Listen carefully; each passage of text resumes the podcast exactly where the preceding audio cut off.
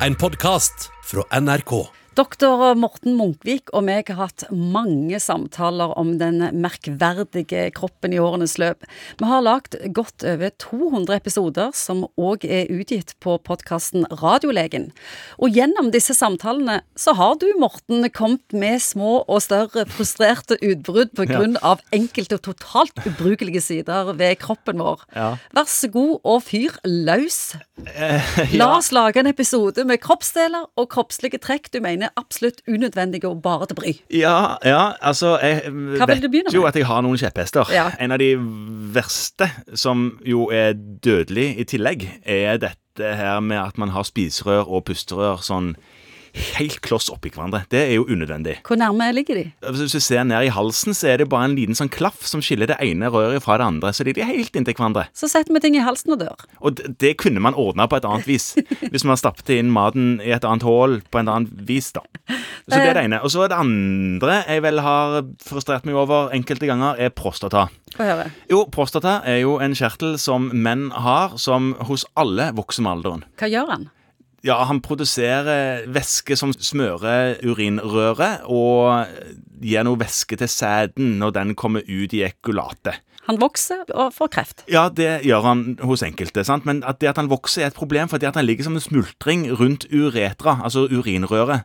Og Der skal jo urinen ut. Og når noe vokser, så klemmer det av der.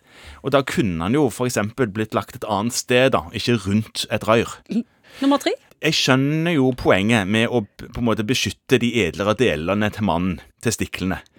Men å lage det til en sånn en, At det skal gjøre så vondt? Så sinnssykt òg. Det, altså, det er et lite, et lite, hint om at eh, nå er noe borti testiklene, hadde jo holdt. Istedenfor at en skal føle at en dør hvis en er i nærheten. Det syns jeg er helt unødvendig. Hva tenker du om blindtarm og føflekker? Ja, Blindtarm det er jo òg en ting som tar livet av folk. Det tar livet av tusenvis i året, det. Og, og, den har vel ingen funksjon? Nei, Så vidt en vet, så har den ikke det. Jeg tror jeg leste om at noen tenkte seg at det var et reservoar for sånn bakterieflora for tarmen. Men en vet jo det, at for de som fjerner blindtarmen, så skjer det jo null niks-fallera. Man blir ikke sykere i tarmen etterpå. Vi trenger vel ikke føflekker heller? Føflekker er jo òg en sak som hos enkelte utvikler seg til kreft. Og de føflekkene Nei, man trenger jo ikke det. Jeg husker du sa en gang at føflekker det er bare huden som gjør seg til. Ja, ja men det er Han gjør seg Ja, det stemmer. Det sa jeg det. Ja, Godt sagt. Den gjør seg til, og ja, se nå, jeg kan òg noe, liksom. eh, og det er jo helt unødvendig. Mandler? Mandler i halsen, ja. Som kan vokse og gjøre det helt umulig å svelge. Der kunne vi egentlig løst det første problemet i dette. Hvis du ikke spiste gjennom munnen, så kunne jo mandlene bare bli større. For de begrenser jo ikke luften. Men hvis du spiste gjennom et annet hull, sant? Så. Eh, så kunne du jo spise selv om mandlene ble store, og, og sluppe å sette ting i halsen. Har du annet? F.eks. visdomstenner, som gjør at uh, alle andre tennene blir trangt for alle andre, og så er det unødvendig med de nye som kommer. Så det trengte en ikke å ha. En kunne òg tenke seg at dette med østrogen og kvinner, at det forsvinner. En burde jo kanskje ikke hatt østrogen så tett linka til vaginafuktighet. For eksempel fordi etter overgangsalderen så slutter ikke kvinner å ha sex. Sant? Og det at østrogen forsvinner, gjør at noen opplever ganske mye tørrhet i skjeden.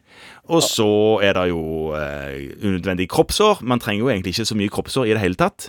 Man kan eh, lure på hvorfor i all verden man har bihuler som bare blir infiserte eller betente. Og vondt. Uh, vondt. Og en skjønner jo at det ville sett usymmetrisk rart ut dersom menn ikke hadde brystvorter, men man trenger de ikke.